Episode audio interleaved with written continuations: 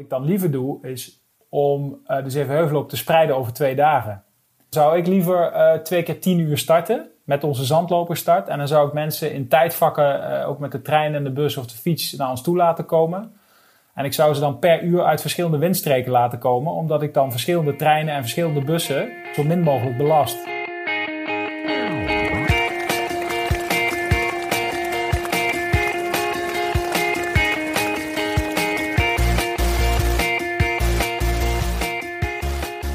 Welkom bij de 35e aflevering van Suzy Q&A, de podcast over hardlopen, training en wedstrijden. Ik ben Oliver Heimel, hoofdredacteur van Runner's. En aan de lijn heb ik Susan Crummins, wereldtopper op de 5 en 10.000 meter. En Alexander van der Velde, directeur van de Zevenheuvelloop.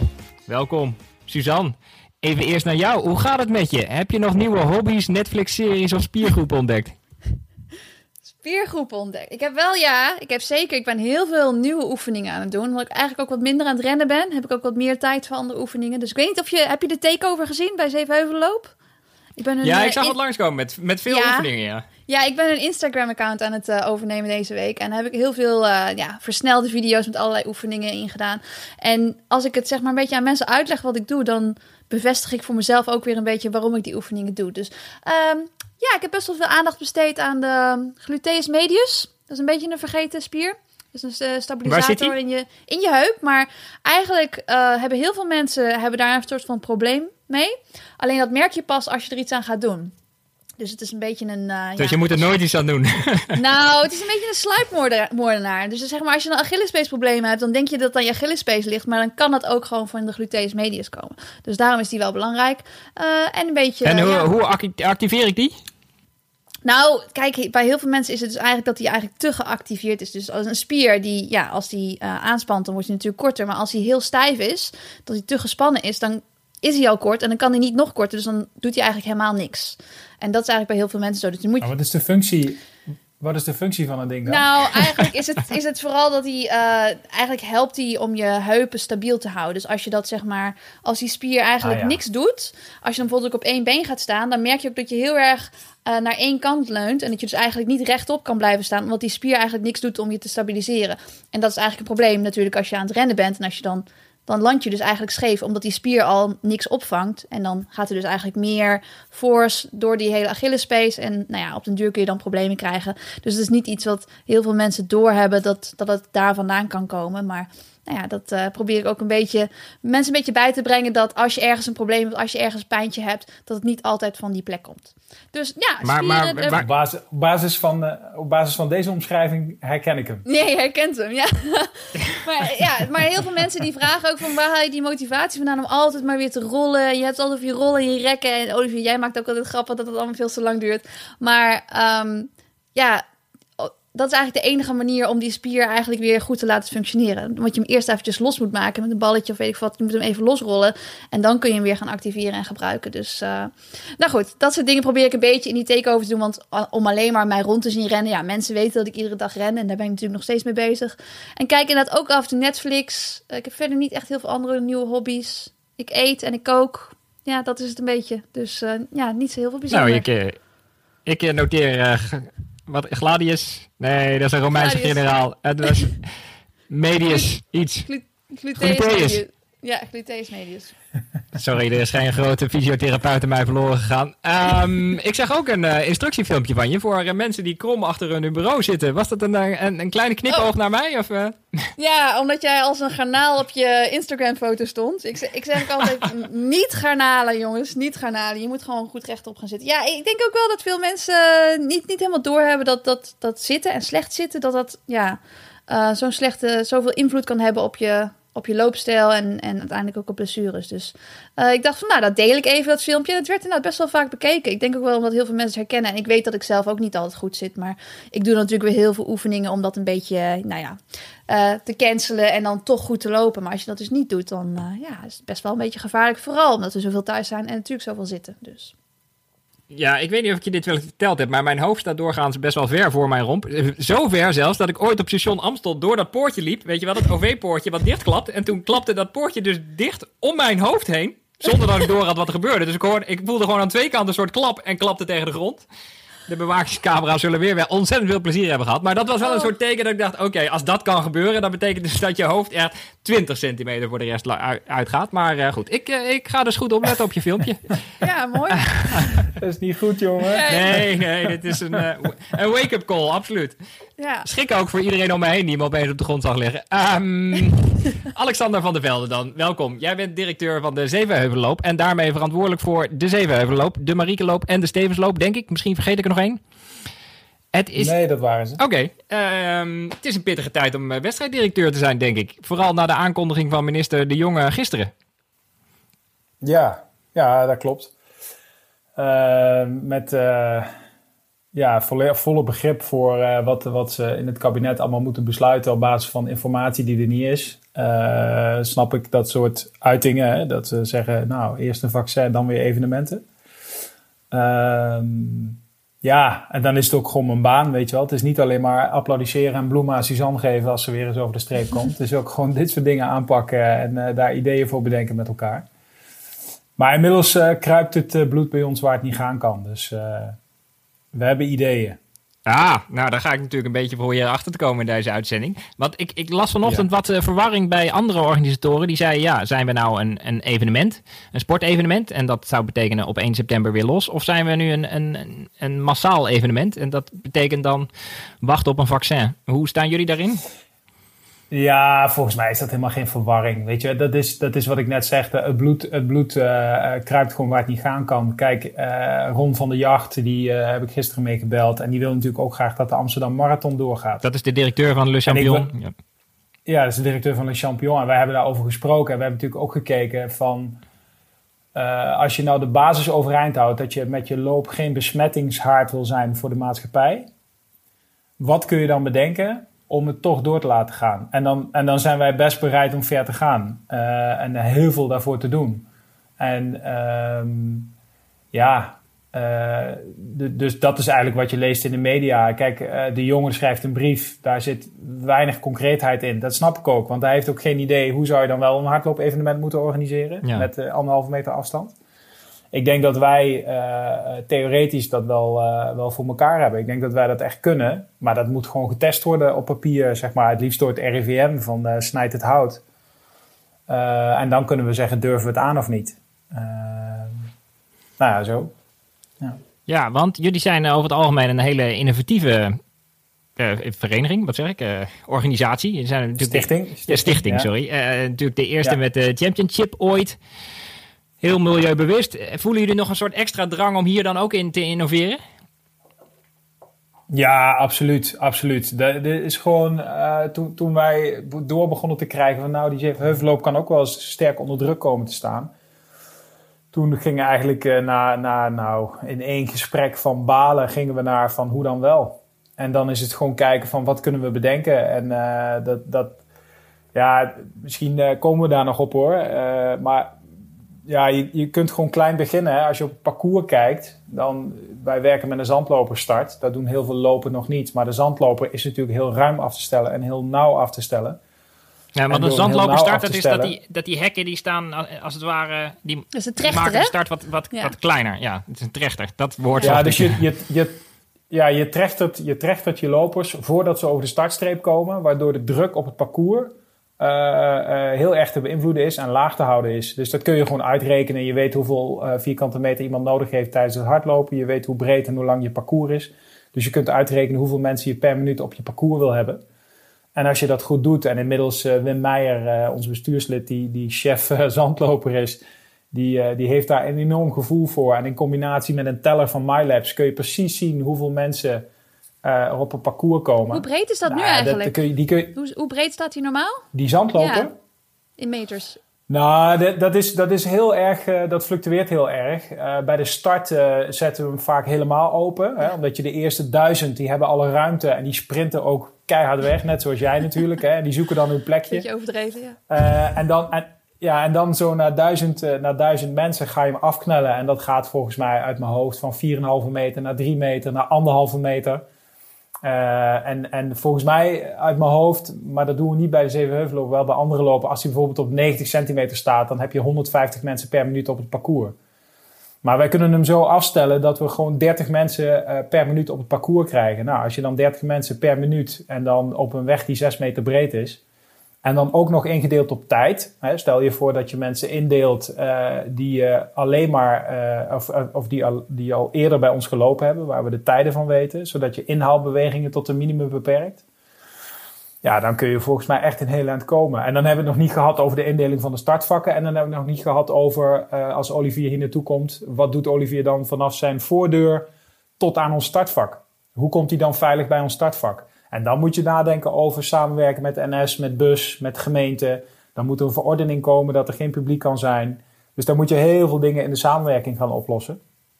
Uh, krijg... Maar dat kan, dat is theoretisch allemaal mogelijk. Krijgen we straks een maar dan uh, mondkapje bij de inschrijving?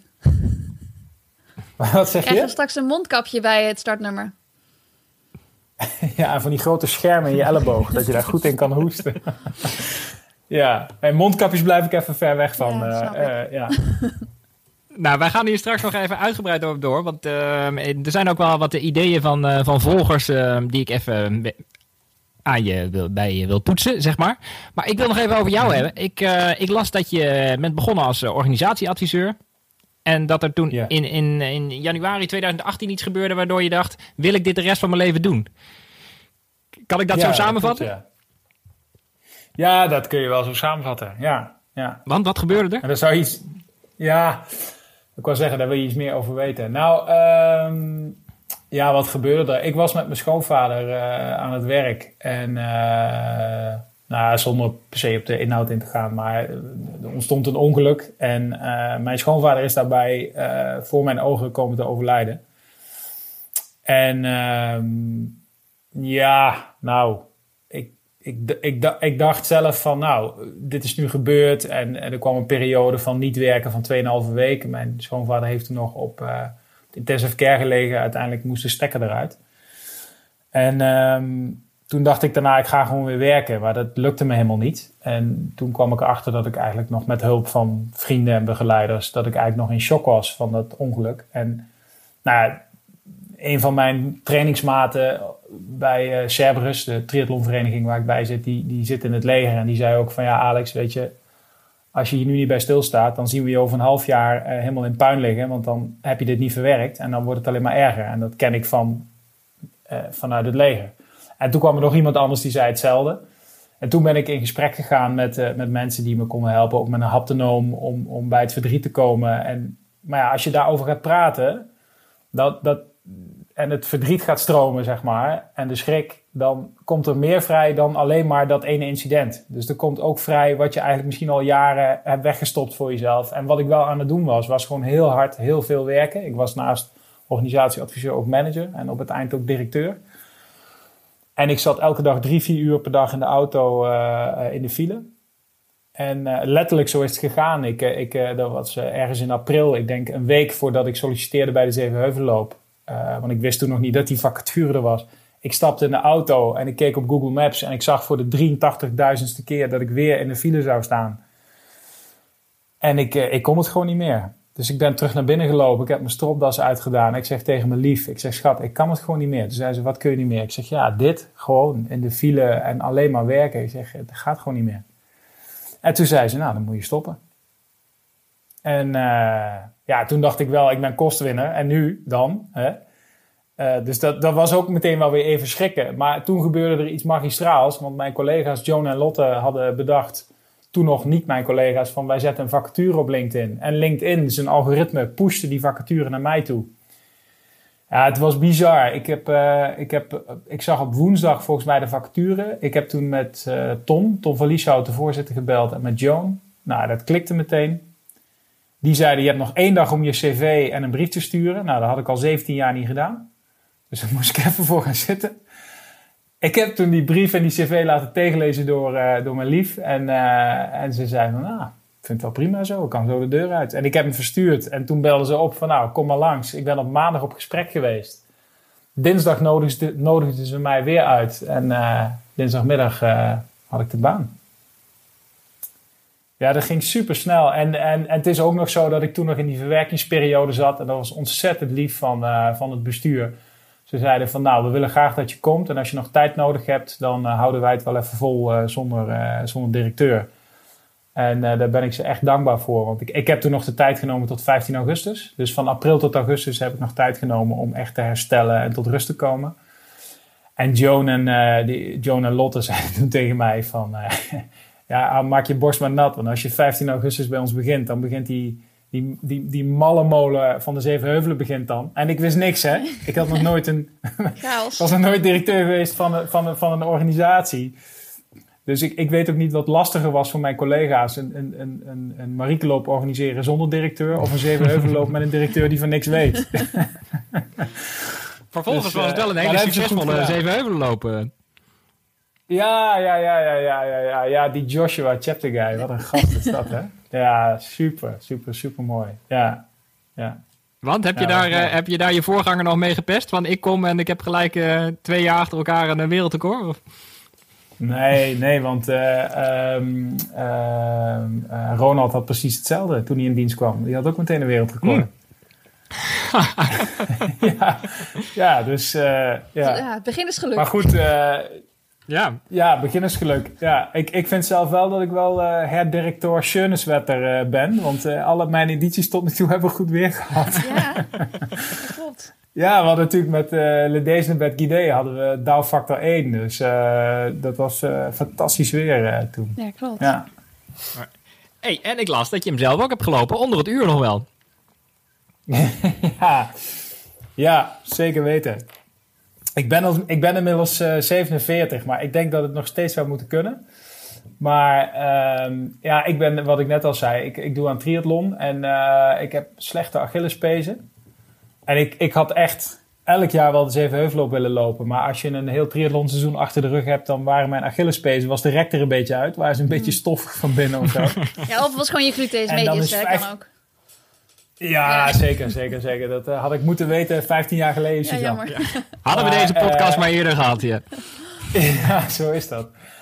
Uh, maar eh, ja, het is, het is natuurlijk een fantastische loop en daar zijn er meer van. Maar ja, goed, ik, ik, ik, ik ben ook opgegroeid in Nijmegen, dus ik ben ook opgegroeid met de Zevenheuvelloop. Maar elke keer dat, dat berg aflopen, ik kreeg daar gewoon zulke klappen van iedereen natuurlijk op de Achillesen. Dus het was op een gegeven moment niet meer verstandig om te doen.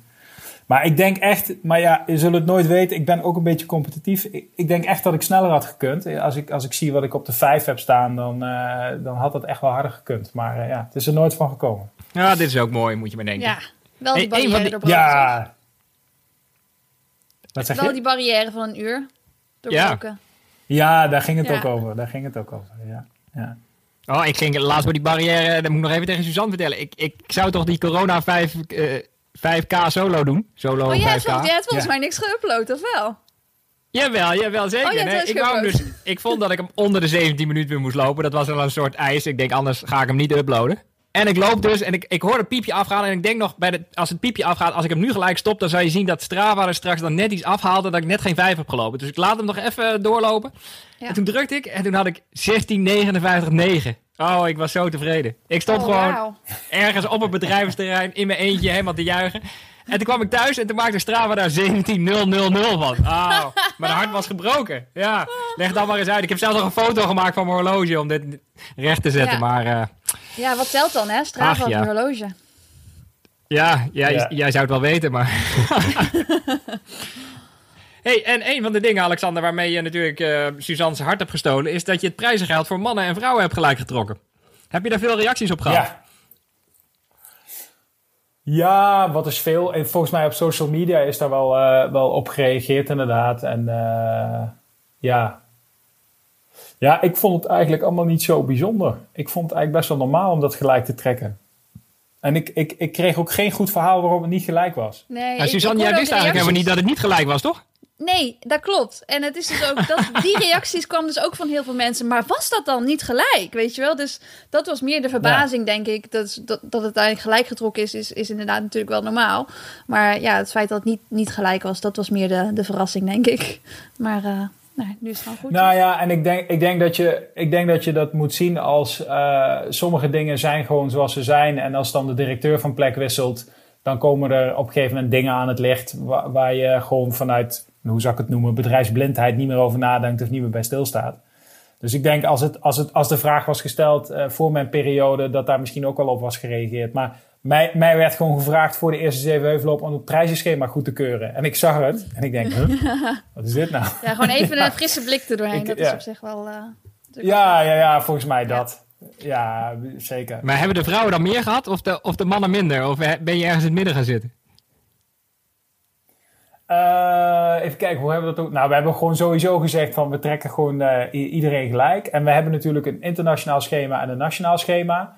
En er kwam aan het licht dat we uh, op een gegeven moment heel veel mensen iets gaven, maar die kregen dan heel weinig.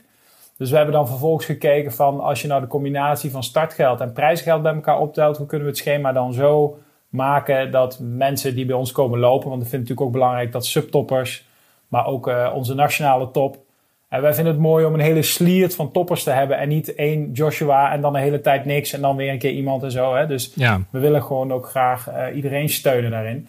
En dus we hebben er wat bij gedaan. En we hebben gewoon naar een andere verdeling gekeken. Maar ik weet niet meer precies hoe. Maar, uh, ja, dat is eigenlijk een beetje het probleem van de New York Marathon. Daar heb ik vaak langs de kant gestaan. En uh, ja, dan heb je gewoon een groepje. En daarna gebeurt er voor je gevoel 10, 15 minuten helemaal niks. En dan komt de rest. Ja, ja. Ja, Joan, uh, Joan en uh, mijn collega en Jury van Global, die maken daar altijd echt een heel uh, mooie puzzel van, vind ik zelf. En dan vinden we het echt belangrijk dat gewoon de mensen die willen komen, dat, ja, dat die ook, we weten ook gewoon hoe de hardloopwereld in elkaar zit. Weet je, het is geen voetballen. Dus je moet het ook hebben van, van die wedstrijden lopen. Dus we vinden het ook fijn om daar aandacht aan te besteden, maar dan vervolgens ook te kijken, ja, hoe krijg je nou een mooie, een mooie sliert, zeg maar. Ja. Ja, nou, een mooie uitdrukking ook, mooie sliert. Uh, Suzanne, uh, jouw carrière begon daar in 1995, het jaar dat ik eindexamen deed. jij, jij liep de mini Zevenheuvelenloop. Ja, toch? klopt. En later kwam je bij Team Zevenheuvelen. Wat, wat hield dat in, Team Zevenheuvelen? Uh, ja, Team Zevenheuvelen, dat heette toen trouwens nog Seven Hills Running Team in het Engels. en uh, dat was het uh, talententeam wat werd uh, opgezet door Has van Kuik. Dat was mijn juniorencoach. En toen vanuit de Zevenheuvelenloop werd dat al meteen ondersteund. En inderdaad, die mini Zevenheuvelen, die, die deed ik in 95 mee. En dat heette toen de Ellen van Lange Loop. Ja. en uh, daar stond ik een paar keer op podium. Klinkt gelijk als een lange loop dan ook, als je kind bent, ja, denk ik. maar hij was dus ook 800 meter. Dus dat, ja, dat is ja. logisch natuurlijk. ja, ik snap het. maar um, ja, nou, toen ik in ieder geval, uh, ik geloof dat ik 12 was, toen, toen las mijn vader een keertje in de krant dat je een, hardlooptestje ergens kon doen. En als je dan uh, bij de eerste drie zat, dan kon je een paar Nike schoenen winnen. dacht ik, nou, daar wil ik wel aan meedoen. En dan mocht je meetrainen inderdaad met Team Zevenheuvelen. Dus uh, ja, op die manier heb ik dat testje gedaan. En toen uiteindelijk, toen, nou, Has die, die deed dat testje toen. En toen zei hij van, nou, jij hebt dat talent, je mag bij ons komen meetrainen. En die schoenen die waren er niet, want dat was gewoon uh, een soort van lokkertje. Zo hadden ze het in de krant gezet dat er meer mensen op het testje af zouden oh. komen. Maar uh, ik was het al helemaal vergeten, omdat ik meteen met het team begon te trainen. En het was gewoon zo leuk. En ook op een hele speelse manier ja, werd je gewoon zeg maar van junioren-atleet eigenlijk opgeleid om uh, ja, gewoon de internationale top te beklimmen, zeg maar. En, en dat heb ik dan in de, in de jaren bij, bij Team Zevenheuvelen zo gedaan. En uiteindelijk ben ik natuurlijk naar Amerika gegaan en heb ik daar gestudeerd. Maar uit, ja, die basis die was er wel altijd. En um, ja, het team, Team Zevenheuvelen, was ooit opgezet met het idee en de visie van... nou ja, we gaan talenten opleiden en uiteindelijk hopen we een van die talenten naar de Olympische Spelen te brengen... of uh, de Zevenheuvelloop te laten winnen. En uh, dat heeft wel heel lang geduurd. Maar uiteindelijk heb ik dat dus in 2016 wel allebei kunnen doen. Dus dat, uh, dat was wel heel mooi. Dat uiteindelijk dan zeg maar, ja, toch een beetje mission accomplished. En dat was Has een idee ook. En Has is helaas overleden in 2014. Maar uh, ja, ik ben wel blij dat dat uiteindelijk volbracht is. En dat ik op die manier ook wel ja, heb kunnen laten zien dat het, dat het wel de moeite waard is geweest om zeg maar al die talenten, om daar zoveel in te investeren. En, en nu ook, nu ik zeg maar ambassadeur ben van de Zevenheuvelloop, heb ik ook steeds iets van ik wil ja, ook wel gewoon teruggeven aan uh, alle jongsters die nu zeg maar de, de mini Zevenheuvel lopen en, en hun inspireren, maar ook andere lopers. En ja, op die manier eigenlijk uh, ervoor te zorgen dat zoveel mogelijk mensen gemotiveerd zijn om ook te blijven lopen. Omdat het mij eigenlijk zoveel heeft gegeven, ja, wil ik dat ook wel teruggeven. Dus dat is wel, uh, wel heel mooi. Ik heb wel het gevoel dat de cirkel rond is nu ik weer ambassadeur ben van de Zevenheuvel loop. Ja, en met die schoenen is, is ook heel mooi, heel mooi om te zien ook. Hè? Dat, dat uh, meisjes uit Helmond gewoon bij ons uh, de mini komen lopen. Omdat ze dan weten dat ze daarna een clinic krijgen van Suzanne. Dus de cirkel is dan ook, de cirkel is dan ook echt rond. Dat is ook wel echt mooi. En, uh, maar ik vroeg me af, Suzanne, vind je nou echt dat het zo lang geduurd heeft voordat je de, Dat zei je net. Het heeft misschien lang geduurd, maar ik heb het in 2016 gedaan. Uh, nou, het heeft vooral lang geduurd, omdat ik natuurlijk... Uh, ja, Has heeft mij dus altijd gecoacht. En, en, en nou ja, ik ging van nationaal, regio, regionaal niveau naar nationaal niveau... naar internationaal niveau. Dat ging best wel snel.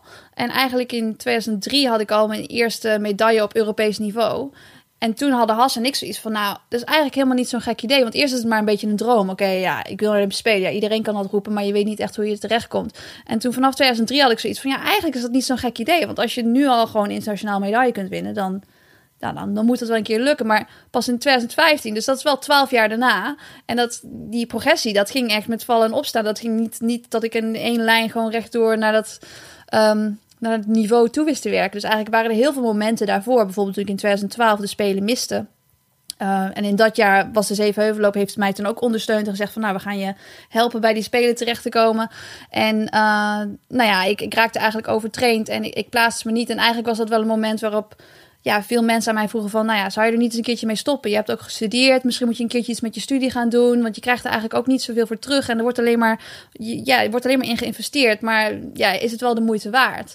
Dus ik denk dat ik daarom het gevoel heb dat het heel lang heeft geduurd, omdat er eigenlijk heel veel uh, afslagen zijn geweest die ik op een andere manier had kunnen nemen en er dan misschien niet terecht was gekomen. Dus uiteindelijk is het wel de moeite waard geweest. En ja, uiteindelijk is het wel alleen maar gelukt door de mensen die ik om me heen had verzameld en de mensen die in mij zijn blijven geloven. Maar ook dat ik natuurlijk zelf aan blijven geloven. Dus um, nou ja, dan is, dan is 12 jaar wel lang als je, als je op die manier uh, steeds uitgedaagd wordt en uh, nou ja, eigenlijk getest wordt.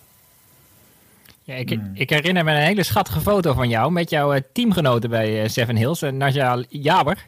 Ja? Die later oh, de Glamour Stiletto Run won trouwens. Een wedstrijd oh, die jij nooit hebt gewonnen, volgens mij. Nee. Zou ook niks voor jou zijn, denk ik, stiletto run, zomaar. Maar... Nee, ik weet, dat, ik weet nog toen dat was, dat je, dat je eh, één jaar mocht je inderdaad, mocht je je schoen mocht je vaststepen aan je enkels, omdat je dan niet je enkels kon verzwikken of zo, weet ik veel wat. En toen op een gegeven moment mocht dat ook niet meer. Dus je moest per se gewoon je hakken aan. en, dan gaan, en toen dacht ik, omdat er dus mensen waren die hun, hun, hun hakken hadden vastgetaped en dan toch eigenlijk hun enkel verzwikt hadden, maar dan viel je natuurlijk ook meteen. Omdat je dan, ja, dan gaat je schoen niet uit. Dat, dat kan ik me dat, daarvan herinneren. Maar dat klopt een foto met Narsla, die dus ook in het talententeam zat. En zij was een 800 meter loopster. Zij was heel erg goed. Ze liep, uh, volgens mij liep ze 201 of zo als 15-jarige. Misschien 16. Ja, bijna, bijna nationaal ja. recordhoudster. Uh, ja. ja, ze was echt heel ja, goed. Ik ken haar alleen omdat zij ooit uh, bij de Gouden Spike... was zij zo moe naar de 800 dat ze in mijn baan lag uit te puffen. En bij de start draaide ik me dus om om tegen de starter te zeggen... er ligt nog een meisje in mijn baan, zeg maar. Maar op het moment dat ik me omdraaide, schoot hij me weg. dus moest ik weer helemaal omdraaien en beginnen te sprinten waarin zij wegging. En ik liep alsnog een PR trouwens. Oh, ik ah, wil zeggen, je hebt het uh, Dus die adrenaline, ja, die heb je soms ook gewoon een beetje nodig. Ja, precies, ja. ja. Um, ik ken ook mensen die dan een toespraak moeten geven... en dan vlak daarvoor dan knipt hun vrouw zeg maar hun stropdas door... en dan worden ze zo boos van... oh, ik heb een nieuwe stropdas nodig... dat ze dan knallen op het podium. Oh, wow. Gouden tip. Oké. Okay. Uh, dat was Nadja Java voor mij. Um, fijn. Hoog tijd voor ons eerste segment. Ask Suzy. Stuur je vraag in en dan probeer ik hem te stellen. Uh, deze keer heel veel vragen over de Zevenheuvelenloop. Uh, maar eerst een algemene. Uh, Run with Joyce vraagt... De Zevenheuvelenloop is een prachtig mooi evenement. Waar ben je het meest trots op, Alexander? Oh, nou, er zit, volgens mij zit er gelaagdheid in het antwoord. Hè? Dus de Zevenheuvelenloop bestaat al heel lang. En heel veel dingen zijn, staan al heel lang. Dus dat heeft niet zoveel met mij te maken. Dus dan vind ik het ook gek om daar trots op te zijn dan, dan besluit, besluit mij veel meer het gevoel dat ik trots ben dat ik daarbij mag horen, dat ik daar mag werken. Uh, met Henk Stevens en Ronald Veerbeek als voorgaande directeuren, die hebben echt gewoon een aantal hele mooie dingen gedaan en neergezet. Dus dan is het mooi om de opvolger te mogen zijn. Ik denk als ik kijk naar uh, waarom ik gekomen ben. Kijk, in hardloopland is wel wat aan de hand, zeg maar. Hè. je ziet kleine loopjes uh, verdwijnen en uh, deelnemersaantallen stagneren. Mulier Instituut heeft dat laatst ook weer onderzocht en, en, toont dat ook aan. Um, en we zijn wel met veel nieuwe dingen begonnen. En um, we, hebben, we hebben de trail bij de, bij de Mariekeloop. Die, die, stond, die gaat dit jaar dus, die is, stond eigenlijk gepland voor volgend weekend, 16, 17 mei. Gaat helaas niet door. Maar daar stonden de, de cijfers voor deelnemers op plus 80%. Dus daar hadden we echt wel zeg maar, een hit uh, te pakken. En um, uh, met de Stadscross bij de Stevensloop, uh, daar hadden we, dat, wat, was met de tweede editie het grootste onderdeel van de Stevensloop. Met volgens mij ook echt tussen de 3.000 en 4.000 deelnemers. Dus dat, dat ging ontzettend goed. we hebben een nieuwe parcours voor de halve marathon helaas niet kunnen testen dit jaar.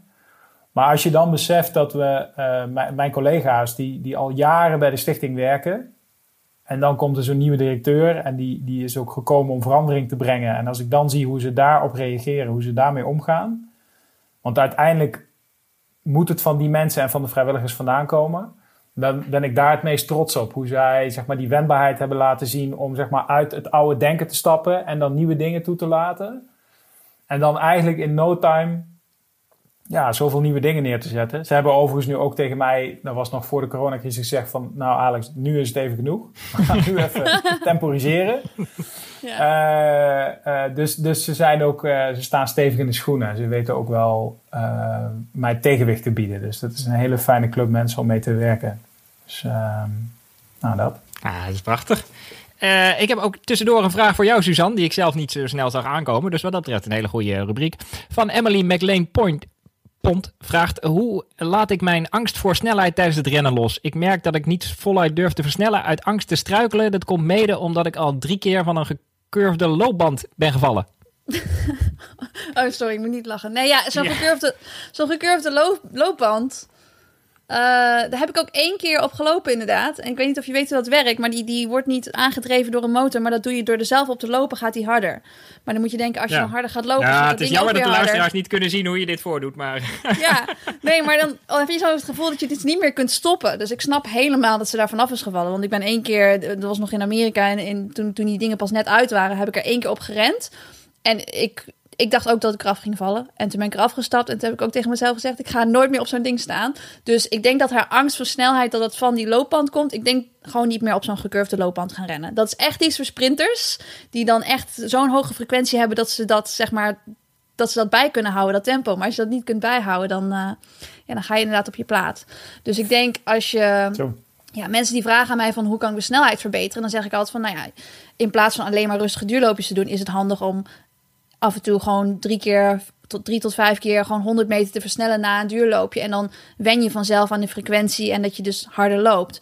Maar als ze daar bang voor is, je moet er wel gewoon goed voor zorgen dat je dat op een goed pad doet. Dus dat je bijvoorbeeld op een, nou, een leeg fietspad doet. Dus dat je in ieder geval zeker weet dat je niet hoeft uit te wijken. En dat er gewoon eigenlijk niks kan gebeuren waardoor je ja, van richting moet veranderen. Of op een, op een stronkje kan gaan staan waarom je zou kunnen vallen. Want eigenlijk moet je gewoon je eigen benen wel bij kunnen houden. Dat is eigenlijk dat, de enige reden dat dat haar niet gelukt is, komt door die loopband. Dus um, ik denk dat dat wel goed is om te oefenen. En ja, je snelheid is uiteindelijk natuurlijk je, nou ja, je pasfrequentie keer je paslengte. Dus als aan een van die twee dingen iets niet goed is, ja, dan kom je niet goed uit en dan zou je inderdaad kunnen struikelen. Dus als je je pasfrequentie uh, nou ja, uh, omhoog zou willen halen, dan kun je bijvoorbeeld ervoor kiezen om wat meer oefeningen te doen, zoals een beetje touwtjes springen, wat, wat snelle kort contact oefeningen, zodat je voeten in ieder geval snel op de ondergrond kunnen reageren. En als je dat, um, als je dat niet doet, als je daar eigenlijk heel langzaam op reageert, dan zak je een beetje te ver door en dan kan het wel eens zijn dat je gewoon een beetje je evenwicht verliest. Dus ik denk dat uh, het wennen aan snel lopen, dat je dan vanzelf ook meer zelfvertrouwen krijgt en denkt van, nou ja, ik kan mezelf bijhouden en ik loop mezelf niet over de kop. Um, dus ja, en heuvel oplopen werkt ook wel, toch? Dan heb je niet een hele hoge topsnelheid, maar werk je wel aan de juiste spieren. Ja, dan, dan, daar word je natuurlijk heel sterk van. En natuurlijk word je daar ook sneller van. Maar ik weet ook dat er bijvoorbeeld... Uh, in, in Amerika zijn er ook heel veel atleten. En dat zijn er vooral een beetje middellange afstand. Dus 800, 1500 meter loopsters. Die bijvoorbeeld uh, juist versnellingen bergaf doen. En uh, de reden dat ze dat doen is inderdaad omdat je dan ook een beetje dat gevoel hebt... dat je jezelf niet meer kunt bijhouden. En dat je dus je pasfrequentie moet verhogen... om dan toch het, het tempo bij te houden. Dus op die manier zou je dat ook kunnen oefenen. Maar als je daar nu al een beetje bang voor bent... dan is dat misschien nog een stapje te ver. En dan zijn gewone versnellingen op, het, op vlakke ondergrond of inderdaad bergop misschien nu wat veiliger. En dus het is, ik had nooit gedacht dat er zo'n lang antwoord zou komen. Ik vind het fantastisch. en ik zou er nog een psychologisch aspect aan willen toevoegen. Maar dat is uit, vanuit mijn vorige vak. Ik weet niet of we daar ruimte voor hebben. Maar, uh... Ja, zeker. Nou, kijk, ehm, eh, in mijn werk heb ik vaak ook gekeken naar psychologische effecten van samenwerken en allerlei uh, dingen, maar ook werken in je eentje. En ik, ik denk wat belangrijk is bij dit soort dingen, als, als het met angst te maken heeft. Kijk, je kunt een heel pad op gaan van waarom ben ik angstig. En je kunt ook gewoon het pad op gaan van ik probeer het uit en ik kijk hoe ver ik kan gaan. En wat dan mooi is, is dat je probeert uh, droge grond die je gewonnen hebt, om die te ontperken en vast te leggen. Dus als je eerst, want ik, ik lees of ik hoor uh, eh, 18 km per uur. Ja. Nou, dan zou ik eens beginnen bij, uh, nou, ik noem maar wat, hè. doe dat eerst eens bij 14. Ja. En, en als je dat echt bij comfortabel voelt, ga dan naar 15. En, en laat iemand meefietsen die voor jou op de klok kijkt hoe snel je gaat. Ja. En ga niet zelf op je klokje zitten kijken. Laat iemand anders het gewoon zeggen. Volg gewoon die fiets. Want dan word je begeleid. En als je de 15 onder de knie hebt, dan ga je naar de 16. En dan klein, elke dag een stukje, zeg maar. Ehm, en dan kun je het ook gecontroleerd doen. En dan ga je je ongetwijfeld comfortabel voelen op een gegeven moment. Ja, ik denk ook wel dat daar een beetje de, natuurlijk de angst zit. Omdat je op zo'n loopband, zo'n gecurvede loopband, raak je eigenlijk de controle kwijt. Dus dat is het een beetje. Ik denk dat zij ook richting de 18 is gegaan. En dat je dat eigenlijk zelf niet helemaal in de hand hebt. Dus um, nou, zoals je zegt, gecontroleerd, dan, uh, dan is het in ieder geval een stukje veiliger. En ja. blijf ver weg van de gecurvede loopband. Ja. Zo, ik ken het hele ding niet, joh. Nee, dat is echt iets voor Nee, het is best wel griezelig. Ik zie er wel eens filmpjes mee, ja. Ja. Het... Ik ga zoeken op YouTube. Ja. um, uh, dan weer een vraag voor jou, Alexander. Dat gaat natuurlijk over het, uh, het doorgaan van de zeven heuvelen dit jaar. Dus daar gaan we nog steeds gewoon van uit. Uh, hebben jullie ook gedacht over het beperken van het deelnemersveld? Als in alleen in een straal om Nijmegen heen? Of alleen types als Suzanne? Of, types. alleen types als Suzanne. Nou, dat wordt too much. Je moet blond zijn naar Nijmegen gekomen. dat kan niet, hè? Um, nou, Suzanne is natuurlijk altijd welkom. Uh, kijk, een, een, een elite-wedstrijd alleen um, is misschien eigenlijk helemaal niet zo voor de hand liggend. Want uh, dan, dan moeten er internationale reisbewegingen gemaakt worden. En de vraag is even, hoeveel landen zijn daar dan aan toe in november? Uh, ja. Dus dat is uh, één ding. Uh, het tweede is, maar dat is meer bedrijfseconomisch van aard. Kijk, de Stevensloop is een wat kleinere loop bij ons. Daar zijn, er zijn krap 9000 mensen die, die deelnemen. En de Zevenheuvelen is in totaal 33.000. maar de vaste kosten om zo'n evenement neer te zetten, dat loopt helemaal niet zo ver uiteen. Dus als je zegt van, doen we minder deelnemers... dan zeg ik nou vanuit bedrijfseconomische oogpunt, nee, doe maar niet. Want dan, ja. dan, maak ik best wel veel kosten, maar dan heb ik gewoon te weinig inkomsten. Um, dat is ook gewoon een realiteit. En wat ik dan liever doe, is om uh, de Zevenheuvelloop te spreiden over twee dagen. Dan zou ik, uh, ga ik meteen even in het extreem zitten. Hè? Dan zou ik liever uh, twee keer tien uur starten met onze zandloperstart. En dan zou ik mensen in tijdvakken, ook met de trein en de bus of de fiets, naar ons toe laten komen. En ik zou ze dan per uur uit verschillende windstreken laten komen, omdat ik dan verschillende treinen en verschillende bussen minimaal of zo min mogelijk belast. Dus ik zou nooit zeggen, laat tussen 9 en 10 iedereen uit Brabant komen. Snap je? Dus ik zou ja. zeggen, een, een, plukje uit Nijmegen, een plukje uit Brabant, ja. een, een, plukje uit Groningen, een plukje uit Utrecht, uh, Noord-Holland, Zuid-Holland. Uh, en dat dan zeg maar verdelen. En als ze allemaal met openbaar vervoer komen, uh, dat, daar zit natuurlijk druk op, dat snap ik ook. Tegelijkertijd kan ik het met openbaar vervoer juist controleren. En zeker als ik zou kunnen overleggen met de NS over extra inzet en langere treinen en noem maar op.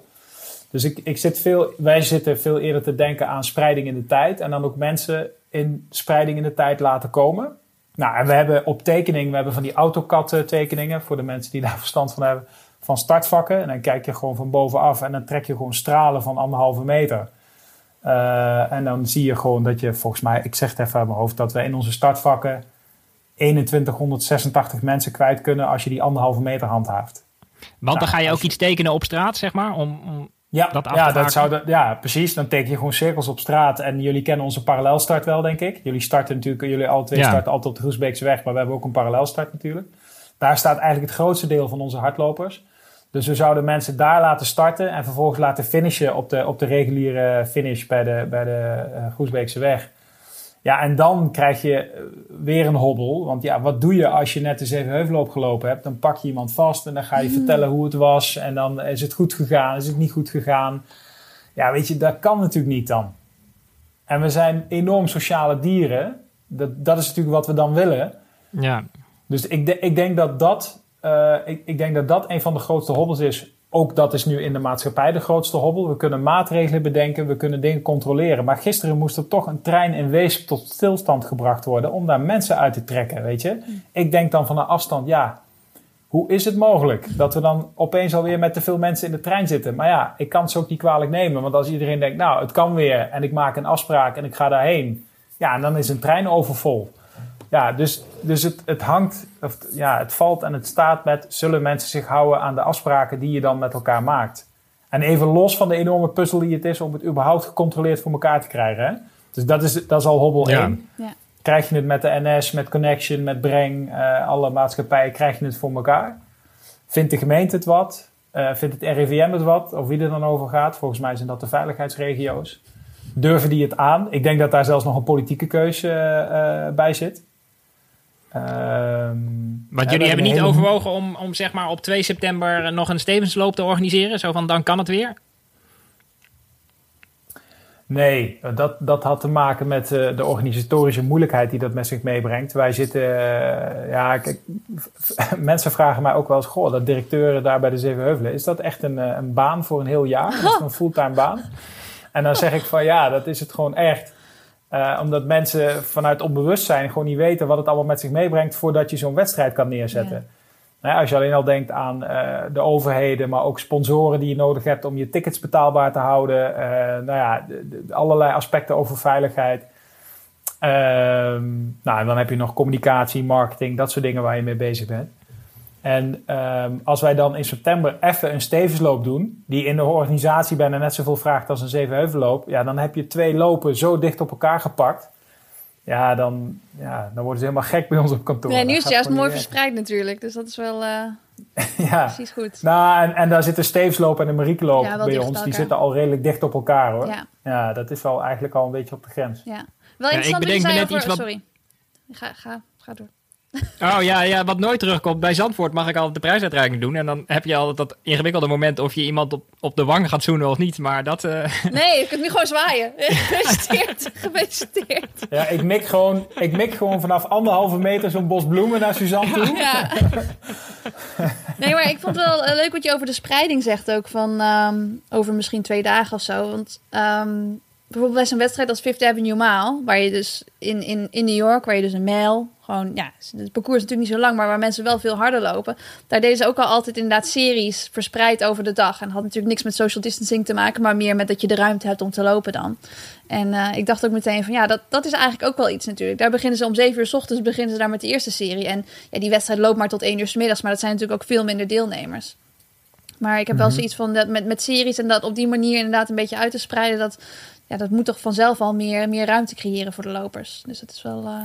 Ja, kijk, en, en er zit gewoon een technische vraag aan. En ik denk dat de gemeente Nijmegen die, die kan beantwoorden. Kijk, als wij nu per uur duizend mensen, stel dat we twee keer tien uur uh, die wedstrijd draaien, dan heb je bijvoorbeeld 20.000 lopers. Als je er duizend per uur doet. En dan is mijn vraag aan de veiligheidsregio. En ik snap dat ze dat niet meteen kunnen beantwoorden, daar moeten we over nadenken. Maar kan Nijmegen duizend extra mensen aan per uur? Op een zaterdag of een zondag. Kan dat? Ja. En dan zal een zaterdagmiddag anders zijn dan een zondagochtend om 9 uur. Ja. Uh, en, en die vraag moet dan beantwoord worden. Ja. En, als mensen... en dan moet je nog kijken, waar laat je, waar laat je je toppers starten? Hè? Doe je die zaterdagmorgen om 9 uur of zondagmorgen? Die gewoon lekker vroeg, hebben we meteen gehad. ja, precies. Maar nee, maar sommige mensen zijn natuurlijk wel ochtendlopers of middaglopers juist. Kunnen ze misschien nog kiezen van, nou, ik wil eigenlijk dit jaar wil ik wel zo laat starten. Nou, dan kun je gewoon voor een timeslot inschrijven. Dat is ook mooi. Ja. Ja, jij ziet nu iedereen al door elkaar te lopen op verschillende niveaus. nou ja, en er komt, en er komt nog een proces uh, dingetje bij. Kijk, als je kiest om het in te delen als een flow... Hm. Dus dat, dat het blijft stromen. Kijk, die Fifth Avenue Mile, die gaat in batches. Hè? Die gaat in hoopjes mensen. Net zoals bij de Dam to Damloop heb je start waves. Ja. Maar wij werken met een flow. En het gaat mis als je op een gegeven moment overstapt van een flow naar een batch. Maar dan krijg je een opeenhoping van mensen. Ja. Dus, dat, dus als je in een flow werkt, moet je in een flow blijven werken, zeg maar. Hoe schat jij het eigenlijk voor de verdere toekomst in? Denk je dat hardloopwedstrijden hiermee altijd een beetje veranderd zullen zijn, zeg maar? Of eh, doen we over twee jaar gewoon wat we altijd al deden? Uh, ik denk dat beide waar is. Ik denk dat uh, dingen een beetje misschien zullen veranderen. Kijk, ik denk ook na over die 800 vrijwilligers van de Zevenheuvelloop. En uh, wat je niet wil, is dat ook die mensen besmettingsrisico lopen. En je wil natuurlijk ook de lopers niet, hè? dat was een gegeven, daar hadden we het in het begin al over. Uh, maar ook onze vrijwilligers moeten veilig hun ding kunnen doen. Want zonder die 800 vrijwilligers wordt er gewoon niet meer gelopen in Nijmegen. Dat is één ding wat helder is. Uh, dus er zal wellicht wel een beetje aangepast worden. Uh, maar ik ben voorzichtig. Maar ik ben pas 47. ik heb wel een paar crises inmiddels meegemaakt. En um, ik zie mensen twee dingen, veel meer doen, maar twee dingen zie ik mensen doen. En dat is één, als ze in de afgrond kijken, worden ze heel innovatief en heel inventief. En dan kan er opeens heel veel. En dan zijn we heel erg veerkrachtig. En is de crisis voorbij, vervallen gewoon weer terug in oud gedrag. Dat zie je na de kredietcrisis. Die huizen in Amsterdam zijn alweer super duur. Mensen blijven toch maar weer dure huizen kopen. Dus ik verwacht, ik verwacht dat we op een gegeven moment weer teruggaan naar een iets aangepaste normaal. Maar ik denk niet dat de aanpassing heel groot zal zijn. Ik denk dat we daar te veel sociale dieren voor zijn. Ik denk zelf dat, maar dan heb ik het alleen over de Zevenheuvelloop. Maar ik denk dat dat ook geldt voor de Dam te Damloop. Bijvoorbeeld. Uh, of de Montferland Run, die ik ook een warm hart toedraag en heel mooi vind. Maar sommige of veel mensen hebben die, dit soort lopen op hun kalender staan om naartoe te werken. En daardoor gaan ze hardlopen. Want als ze dat doel niet hebben, dan gaan ze gewoon niet hardlopen. Nou, ik ben van een andere slag. Ik loop gewoon omdat ik het lekker vind. Ik loop altijd wel. Uh, maar er zijn heel veel die ons als doel hebben gekozen. Dus het heeft ook voor mijn gevoel ook een, een sportmaatschappelijke functie, zo'n zevenheuvelloop. Dus als je dat niet meer zou doen of in zo'n aangepaste vorm dat het niet meer leuk is, dan vraag ik me af wat dat dan veroorzaakt, zeg maar. Nou ja, het is natuurlijk ook bij de kredietcrisis deden we met z'n allen echt iets fout. Sommige mensen wat meer dan anderen. En hier is niet per se dat het heel fout is om met elkaar te knuffelen, maar het, het past gewoon even niet, toch? Dus nee, ik ja, denk ook wat dat. Ja, en, en dan maar hopen op dat vaccin, want dan, uh, ja, dan kunnen we ook gewoon weer door. Zoals we gewend waren als sociale dieren met elkaar om te gaan. Ja, kan niet wachten. Um, Suzanne, eh, ik moet nog even dit segment afsluiten, denk ik. Heb je ook een vraag voor Suzanne of voor mij of alsnog voor Alexander? Dan stel hem gewoon volgende keer.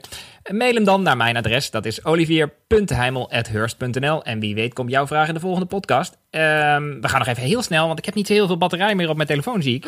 Uh, nog uh, 4%. Oh, living um, on the edge. Even naar het, uh, ja, oeh, dus misschien val ik er zo uit, dan weet je dat. Um, het woord van de week.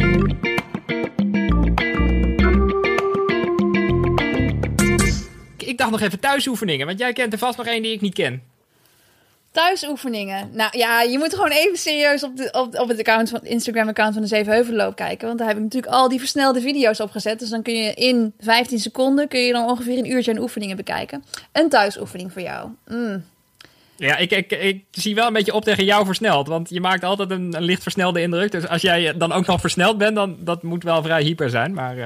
Ja, ik weet wel. Ja, mensen wilden ook wel dat ik, dat ik er langzamere video's op zet. Maar dan, dan moet ik weer gaan kiezen. En, en zijn iedereen, ja, zoals ik nu voor jou één oefening moet uitkiezen. Er is niet één oefening die, uh, die je het beste kunt doen. Ja, die oefeningen die ik in die video heb laten zien voor het, voor het zitten, daar ga ik niks van zeggen. Want dat is, die, die staat al op de video. Toch? Ja, dat is wel op zich een goede. De ja, hip stretch is er wel eentje voor iedereen die zit en die, die die video nog niet bekeken heeft. Omdat we zoveel zitten, wordt die hip flexor vanzelf kort. En als die verkort is en als je daar niks aan doet, dan ga je eigenlijk een beetje ingezakt lopen. En dan, nou ja, kun je inderdaad, leg je eigenlijk meer druk op de, op de achterste keten. Dus meer op de hamstring, meer op de Achillespees. En dan haal je ook niet zoveel kracht uit je pas. Dus als je dan denkt van, nou ja, waarom ben ik niet sneller? Nou, dat is misschien omdat je techniek niet goed is. En dat is misschien omdat je heel veel zit. En dus eigenlijk daar niks aan doet om eigenlijk die vrije range of motion te hebben. Maar het is moeilijk om, om in, in audio een, een goede oefening uit te leggen. Ik denk dat mensen niet nou, moeten onderschatten dat heel veel uh, heel veel problemen veroorzaakt worden in de heupen. Dus ik denk dat je gewoon aan core stability, als we het daarover hebben, dan heb ik het niet over een sixpack. Dan heb ik het juist over dat je je, je heupen en, en de zijkant, dat je dat, dat je dat stabiel hebt. Niet dat je, dat, je, dat je er leuk uitziet op het strand. Dat is, dat is niet belangrijk. Maar dat je wel gewoon stabiel kunt lopen en dat je daardoor niet zoveel druk legt op zeg maar, ja, andere plekken in je, in je Achillespees, enkel, voet. Daar komt eigenlijk veel te veel druk op te liggen als je, als je heupen niet sterk genoeg zijn en ook als ze niet vrij kunnen bewegen. Dus rekken is wel belangrijk. Ik weet dat jij dat niet doet. Je doet het helemaal niet, toch? Uh, nee, nee, nee. Ja. Ik, ik zie er al leuk uit op het strand, denk ik. Volgens mij is er één oefening en volgens mij heet die de pigeon stretch. Die ik wel erg goed vind en waarvan ik vind dat links en rechts ongeveer gelijk moet zijn. En bij mij is dat toevallig niet het geval. Dus dit is een van die zwakke plekken waar ik nu ook een beetje aan, aan het werken ben. En ik zoiets heb van, ja, ik kan het gewoon niet meer langer negeren. Want ja, dit is juist de tijd om, om dat soort kleine zwakke schakels aan te pakken. En uh, niet alleen maar dom kilometers te rennen. Want dat doen we de rest van het jaar wel, toch? Ja, hoe is hij dan, die, die pigeon stretch? Ja, dat zeg ik dus. Dat is heel moeilijk op audio uit te leggen. Dan leg je, leg je één been gewoon gestrekt naar achter. Dus je zit gewoon op de grond. Eén been gestrekt naar achter. Het mhm. andere been leg je eigenlijk uh, de knie in een hoek van 90 graden. Leg je de knie voor. En dan, ja, je, je onderbeen ligt dan zeg maar overdwars. En dan rek je eigenlijk een beetje bij je, bij je bil, eigenlijk ook die gluteus medius. En eigenlijk is je been dan een beetje gedraaid. En je kunt die eventueel ook op een bankje doen. Dus dat je bijvoorbeeld achter een bankje staat en dat je dan je onderbeen op het bankje legt. Horizontaal. Snap je dan wat ik bedoel? Ja. Ja, ah, dat doe ik wel eens, ja. Ja, maar die en dan de, de gevorderde stretch daarvan is dat je hem dus eigenlijk op de grond doet. Maar dat is, uh, ja, dan moet je langzaamaan naartoe werken. Maar eigenlijk is gewoon het belangrijkste niet dat je super lenig bent, maar gewoon dat links en rechts ongeveer hetzelfde aanvoelt. Dat is een beetje, ja, bij iedere oefening is dat eigenlijk wel belangrijk. Nou, dan zijn we toch weer gewoon terug bij die uh, Romeinse generaal van het begin. En dan, uh, nou, dan wil ik jullie heel hartelijk bedanken voor deze uitzending. Alexander, jij ook?